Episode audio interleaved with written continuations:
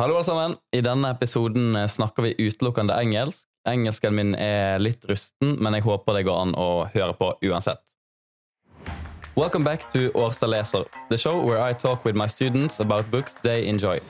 My name is David Komme Høvik, and I am a librarian at Årstad High School in Bergen, Norway. Normally we speak in Norwegian, but in this episode we have a student all the way from Utah. Synnøve has recommended the classic Animal Farm, A Fairy Story by George Orwell. Okay, I'll just give a second. Oh wait, I forgot I have coffee. Yeah. Got the in sync drinking right there. Let's Did you see that? that was like, whoa, Uh, okay, that was crazy. are you ready? Yeah. Um, hello, Synnøve. Hello, Dave. Or do you prefer David? you do you. So um, I always start the podcast with asking uh, the student, what is your relationship to reading and how has it uh, developed over the years? Well, um, I've always been really into reading. Uh, my mom, shout out to my mom. She uh, she was really big on everyone reading in our family, and she really encouraged it. She always bought us books that had something to do with like our interests, whether it was like movies or games. And then, uh, so I already had that foundation. And then going into school, I was very, very privileged and lucky to have a lot of reading programs that encouraged reading. We always had really good libraries, uh, and I just slowly developed uh, my reading skills, my comprehension skills. And I got, uh, I was put in like advanced reading classes uh, that I'm so grateful for because I was introduced into classics. I grew my love for classics, and then um, here we are. Yeah, so that was when you lived in Utah? When I lived in Utah, and then um, right before we moved, uh, I was put in an advanced reading group, and we read. I can't even remember. It was a really good book.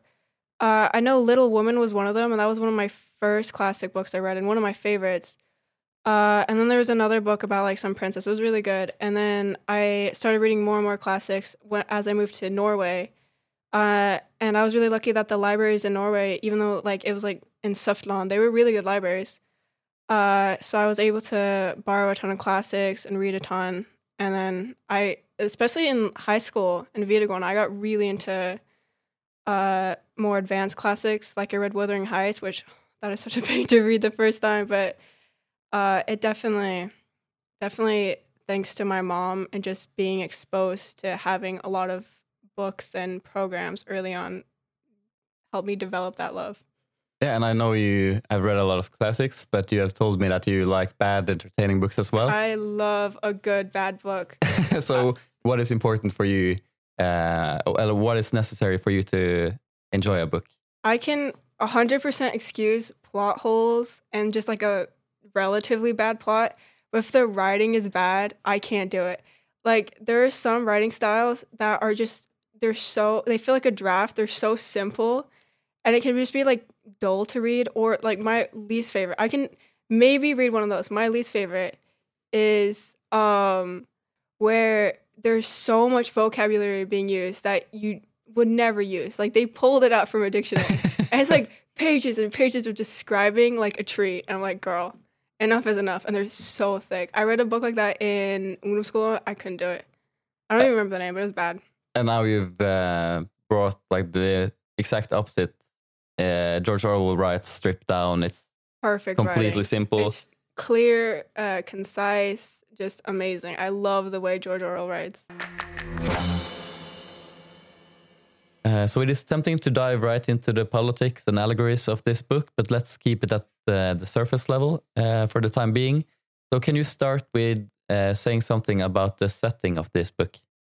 Uh, Animal Farm takes place in a small little farm in England, and it's originally called the Old Manor Farm. And it's run by Mr. Jones, who is lazy, he's drunk all the time, and he has no care for the animals at all. And the farm is uh, starting to become neglected.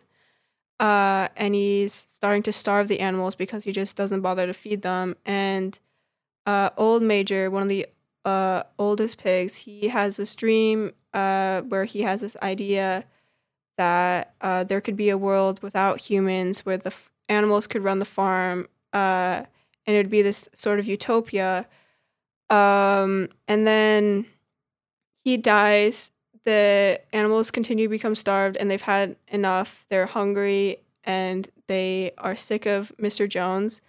So they decide to have a revolution. They overthrow uh, Jones from the farm and just kick him out. It was really easy. Uh, and then the pigs take over, and that's when we start to have issues because in the very beginning, the pigs uh, take the milk uh, and use it for the pig mash because they need it to help their brains to help them work. Uh, and it's hard because the pigs are very clever, they're very very intelligent, they pick up reading really fast, so it's automatically assumed that they should be the new leaders.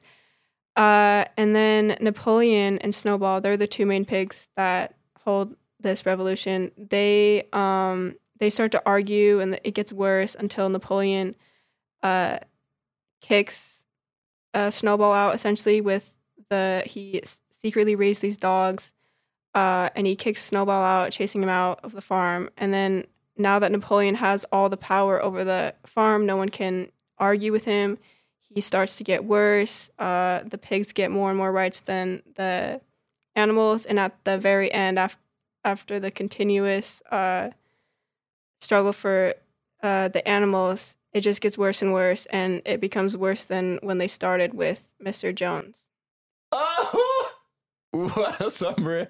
Right? Great job. Even better Nailed than the first. Don't say that we have done this two times. Imagine the footage is just gone. There's nothing. All we Yeah. have is your phone. I'll cut it out in the podcast at least. Yeah. So, um, what are the main characters here? You've mentioned a few. Um, Old Major is the first uh, animal I believe I introduced. He is the um, elderly pig. He's highly respected by everyone, and he delivers a speech that forms the basis of the revolution. And then the two main characters we, or three really main characters we see are the three pigs that control basically Animal Farm. And we first have Napoleon, and he is initially seen as this co-leader, uh, but he ends up being this ruthless and power-hungry uh, pig who uses ma- manipulation, force, and fear to establish himself as the farm's absolute ruler. Then we have Snowball, and Snowball is a highly intelligent and charismatic pig who plays a pivotal role in planning the rebellion. Uh, he's very he advocates strongly for education, uh, and he wants to uh, improve the farm uh, with technolo- technological uh, advances, uh, which is the windmill, of course. But he's ultimately chased away from the farm by Napoleon and his dogs. Uh, then we have Squealer. He's a clever, persuasive, and articulate pig, and he is basically the form of propaganda. He convinces everyone that, oh no, Napoleon isn't becoming a horrible dictator. He's just he's he everything's fine. We're getting more grain. We're doing just fine. Uh, what do you mean that the seven commandments have changed? They're literally the exact same. He's basically just gaslighting his way into everything. Uh, then uh, Boxer, he's probably the saddest and most tragic character. He's very loyal. Uh, he's a very strong horse, and he's the reason they're able to finish the windmill because he's able to push the uh, boulder up into the rocks and break the limestone. I think it's limestone to break the stone. Uh, and he obviously gets the tragic ending of um, being sent to the glue factory because he's no longer of use to Napoleon. Great, thanks. So, um, just to end this part of the podcast, uh, do you want to read the Seven Commandments, which is pretty important to understand the book? The seven commandments. Whatever goes upon two legs is an enemy. Whatever goes upon four legs or has wings is a friend. No animal shall wear clothes. No animal shall sleep in a bed. No animal shall drink alcohol. No animal shall kill an, any other animal. All animals are equal. Okay, so this uh, or these uh, rules, um, which the animals uh, agree upon early in the book, they are continuously changed to fit like uh, the power of the pigs. So let's talk a bit about the corruption of power in this book because it's a pretty central theme. Um, how do you think this theme plays out in the story, and uh, do you think it's relevant for today's world? Um, I think uh, it plays a very important uh, part in this world. Uh, you see it play out very slowly in the beginning, and it starts to pick up very fast in the end. Where the you see this slight hint with the pigs when they um they mix in milk. They take the milk that was originally they're you know they're supposed to share and have equality, but they take this uh, milk uh, and they mix it in with only the pig mash, and they start to take apples because the pigs need food because they need their brain power. Uh, and then slowly, you know, they start to mess with the commandments, especially after Napoleon uh, kicks out um, Snowball.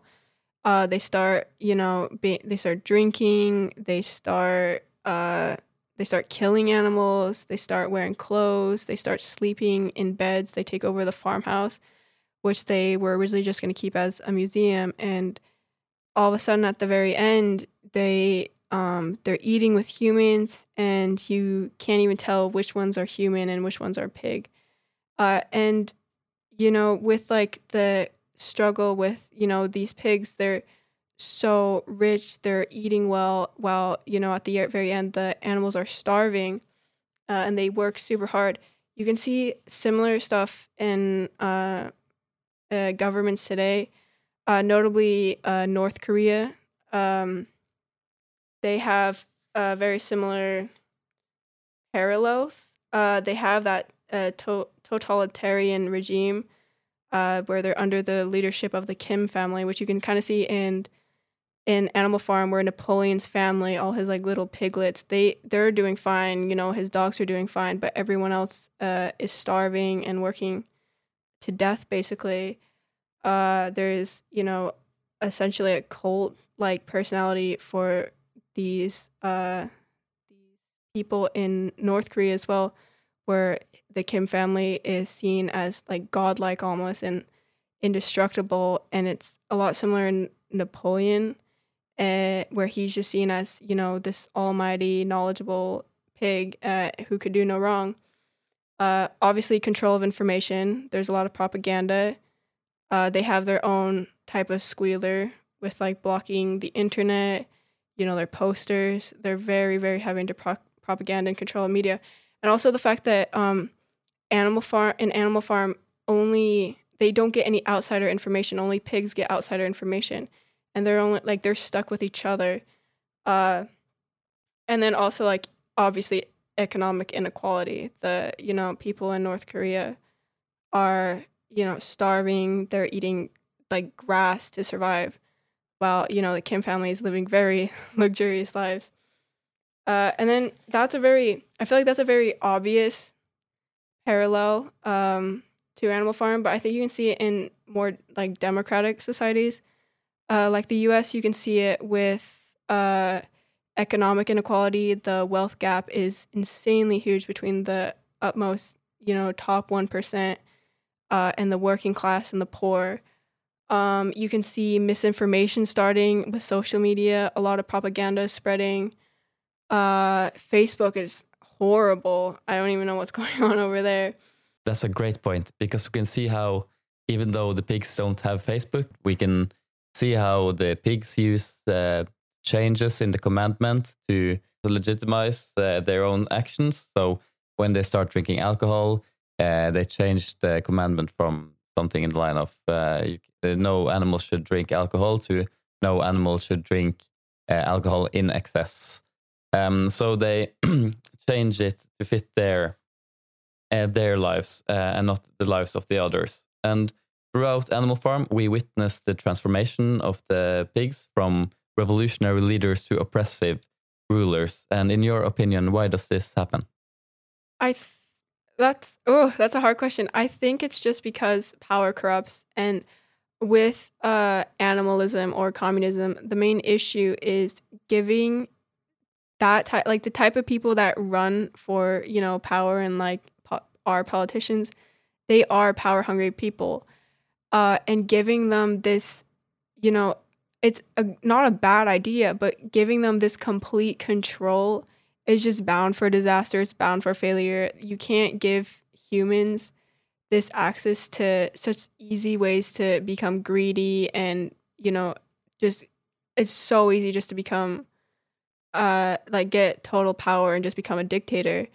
uh, because you know they control everything. And I think with that, you know, the pigs have very human-like traits, and I always like question like what would happen if you know the sheep ran or the horses ran, and it's it's hard because it's you know they are the reason the revolution worked because they are clever, they are smart, they are intelligent. Uh, but they're also the reason for its downfall. So I don't know if there's any way for it to change uh, either. But do you think this novel works if you read it as a straightforward fairy tale, or do you need like political and historical context uh, to really enjoy this book? I think it works for the most part. Uh, I read it in eighth grade when I barely knew anything about the Soviet Union. Um, and the only things is some of the scenarios can be a bit confusing. Like I was really confused with uh, the mass executions and why I was like, why are the animals admitting what like that they did these crimes Mm. uh, when they obviously didn't? Snowball was clearly not in the picture. He was probably killed off screen. Uh, however, uh, when I read up on it and I googled it, it's because uh, Stalin had staged these show trials where he uh, planned out these fake tri- trials and executed people just to scare them and make sure they didn't, you know. Yeah, but so did uh, so you were confused, but did you enjoy it? I though- enjoyed it. I enjoyed it thoroughly. It was really easy to uh, just Google it and figure out the conclusions because going in, I knew what it was about. And I think even if you don't go in, it's not that confusing. Uh, but it was just super entertaining. It made such good points, even if you don't know a lot about uh, the Soviet Union or communism. I feel like it's one of those books that, even though it George Orwell is clear on making this about an allegory of uh, Stalinism, it's so easy to uh, see that it can also be used in any political sense. It's more about the corruption of power. So I think it works as a fairy tale. Yeah. Okay, so which uh, character has the mo- had the most impact on you? Boxer. Oh, Oh, I was so Oh, no. sad. Every time I reread it like a few days ago just to refresh my memory. And every time Boxer Stories gets me so uh so much. Boxer is the he's the horse, not the donkey. He's the yeah, he's a workhorse. yeah, he's the workhorse. Uh, and he's very dedicated. Uh, he is super devoted to Napoleon and the revolution, and he believes in it. Uh, and when they start building this windmill, and it's promised that they'll use it for electricity to get electricity in the farms and heating and hot water, he is super dedicated in building it. He uses all his strength and practically like kills himself over uh, building this um, windmill because he has to push the boulders up uh, to break them. Uh, and it his story where he had done all this work for Napoleon, and at the very end, when he's dying, he's old, he's retired. Uh, Napoleon, or he's not retired, he's going to retire. Napoleon decides that he can't even let him just have an ounce peace, and he sends them off to the glue factory to uh, and they get a little bit of extra money to buy another case of whiskey. I was just like it that was so tragic to me. It was just not an ounce of empathy or compassion in Napoleon. And when I first read it and when I still read it, it just really shows how careless he is for these animals and how horrible it is. And he's the perfect working class uh, Perfect. representative. And he's just taken for granted, even to his like last days. Yeah, So, so sad. at least from the leadership, the other animals look to him, and that's probably why some of uh, the tyranny gets to go forward is because they see that Boxer accepts uh, the leadership, and then I Mhm. think maybe we should as well because he's he's that's such a high regard for. Um, great English, David. Thank you.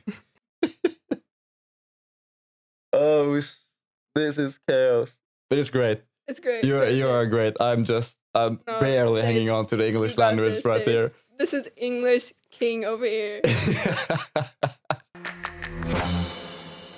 so, as I said in the beginning of the episode, uh, this book has been criticized by both the political left and the right. Um, and I want to talk about the portrayal of uh, communism and capitalism. And we can start with uh, the portrayal of capitalism. So, how do you think uh, capitalism is portrayed in this book? Um, well, it's portrayed, uh, the allegory for it is Mr. Jones. Uh, he represents capitalism and how, you know, he's, it's not put in a good light. Uh, Mr. Jones is neglectful. He, you know, just doesn't care. And you can see that in capitalism. Like a lot of it can be, you know, the people in power, they are neglectful. They don't care. And they're just like, whatever. Um, uh, and I think that he, George Orwell, isn't really just critiquing communism. I think he's critiquing all like pretty much every uh uh form of uh power form of government. Uh and he's he does critique uh capitalism and totalitarianism as a whole. But i think i believe he is socialist. I think george orwell is socialist uh because i don't think capitalism is put in a good light uh maybe not like it's obviously not uh the main focal point of the book. Yep. But yeah, uh, Pilkington, he also represents the capital Western uh, uh, countries. And he, um, when the pigs start trading with him, which represents, you know, the Soviet Union, I guess, going against their ideals and making trades, or like Animal Farm going against their ideals and making trades with humans when they weren't supposed to. And these were like the quote unquote bad uh, governments. Right. And in the end of the book, we can see how capitalism taken to the extreme uh, is um, talked about because the pigs and the humans uh, are bragging about each other and how they uh, manage to exploit the workers for less money and uh, they have to they don't have to feed them as much for example right and i think uh, it's so right that it really isn't just about you know which uh, political power is right it's just showing how corruption of power can make anything bad right mm. Several of the animals are displeased with the farmer who they think exploits their labor. And in the, his opening monologue, the pig major says, Only get rid of man, and the produce of our labor would be our own. And this exploitation of labor is a central concept in Marxian economics. Uh, Marx wanted a society in which the workers owned the means of production. And this is achieved in the beginning of the book, but thing doesn't go according to plan. Uh, why is that? Uh, like I said, it's pretty much the same for capitalism, but it's the main point. Um, it's a very obviously a satirical critique of the Soviet Union, which was you know communist, uh, and it shows it showcases the failure of communism and why it doesn't work, and how you know power will corrupt even if uh, idealism is at play, and you can have this perfect idea of this utopian society but it's just it's too unrealistic. It just won't work out with how you know uh, power corrupts here. I don't understand how or why, but it just seems that with anything with this sort of uh, amount of power given to the state, it just gives you know uh, whoever's in charge. It might just be the people in charge because the people who run, like I said before, people who run for these positions tend to be power hungry people at heart. Uh, and I think um, it just it does just showcase how easy it is for a corrupt leader to abuse the power uh, that they can so easily gain from uh, communism. Um, and it's pretty interesting how there is a duality here between the pigs who are obviously very keen to keep their power, and then you have the other animals who don't revolt against their ruling, even though they can probably sense that they get less and less privileges, uh, but they are taught to think that their leader is uh, a great leader who takes care of them. And um, I find it interesting how uh, language is so important uh, to know to get to keep the power and how they keep the other animals oppressed because they don't know the language. Do you want to speak or do you want to say something about how um, the less intelligent animals are uh, taken uh, taken, uh, taken advantage, of. of. Yeah. yeah. Uh, I think the most powerful weapon uh, Napoleon has is Squealer. Uh, Squealer is incredible at convincing the animals that this is fine. You know, the seven commandments didn't change. And the fact that they have it's so easy where most of the animals can't read very well, and those who can, like uh, Benjamin the donkey, I believe, he just doesn't say anything. He keeps quiet to himself. Uh, uh, and but the other animals, they they fully believe him, and he straight up just gaslights them into believing that everything's fine. We have plenty of grain, plenty of food. We just need to work harder. Uh, uh and then you know, I think they catch him painting at least like Right. painting the wall, Yeah. like and changing up the seven commandments. But you know, he just keeps changing the subjects, even down to when they completely wipe all the commandments, and it's uh, just all animals are equal, but some more than others. Uh, and they believe him, and I think that way he's able to use. You know, he uses. I think there's a, a part in the book where he uses the word tactics, and they don't know what it means, and he uses that form of a double speak, where he he's able to manipulate them by using these words they don't know mean what they mean, but he, they assume because he's intelligent, he knows what he's talking about, that it's fine and he's correct. Uh, so I thought it was a really interesting thing, and he's just really good uh, at propaganda and convincing the other animals that everything's fine. Right, and that's where Orwell is absolutely brilliant because when I'm reading uh, what Squealer is saying, I think it's pretty persuasive. I, Yeah. I, I like I understand how they um, want to believe him and also believes him. Right. Um, so let's uh, dive into your takeaways from the book. Uh, what is like one main message that you uh, take out from this book? Um, I think it's one of the number one things I think every time I read is like how important it is to really become good at critical thinking, uh, and be able to avoid being persuaded by this because, uh, when you read the book, it's so easy to, uh, see how they kind of fall for Squealer, uh, and it's propaganda, and it's so easy to fall under this type of uh regime. Uh, I think it's really important to be able to know what's misinformation, know that you know this isn't right, and not to idolize uh, your political leaders. Understand that they can be wrong; they're not perfect. Uh, they can be bad people, uh, but seem like they're good. Because I think when you have these uh, charismatic, uh, you know, political leaders, it can be easy for people to just follow everything they say blindly and not understand that they're you know, following just a really bad person. For example, Donald Trump uh, and Biden. I think the American uh, political system is so bad because it feels like you have to pick a side and you have to worship these people. They are at no fault, and if they have this view, you have to also view that way. And I just think it's a really bad uh, way to, you know, have a political system. Hmm. Okay, name uh, one thing that makes you happy when reading this book and uh, one thing that makes you angry. Oh, that's hard to say something that makes me happy because the book is just in general really depressing. I think um, the, the writing is really funny, especially in the beginning. It's a really clever way to um, write a book and explain, you know, how because I feel like it's really easy for people when you're reading about the Soviet Union, it can get a little complicated. Uh, but just to have it so simplified in a silly uh, fairy tale about animals really can help a lot of people uh, understand just the in general like the feeling of it and what happens and what goes on. Mm. Uh, so I think that's really good. It's really funny. It's really well written. Uh, the I honestly the only thing that makes me angry about it is uh, probably Boxer's death. That. So, so now we are reaching the end of the episode. Who would you recommend Animal Farm to? Literally everyone anyone who's uh, okay not everyone not kids sorry kids. Um anyone who is like i think middle school you know is the best to start when you start learning about the soviet union. Whenever you start learning about the soviet union pick up the book. If you're into politics pick up the book because it is such i think any, everyone at some point in their life should read it at least once. It's such a, an important classic to read. Uh, it's one of my favorite books and you know, it really sheds a light on such an important topic and something that could literally save our democracy. Great.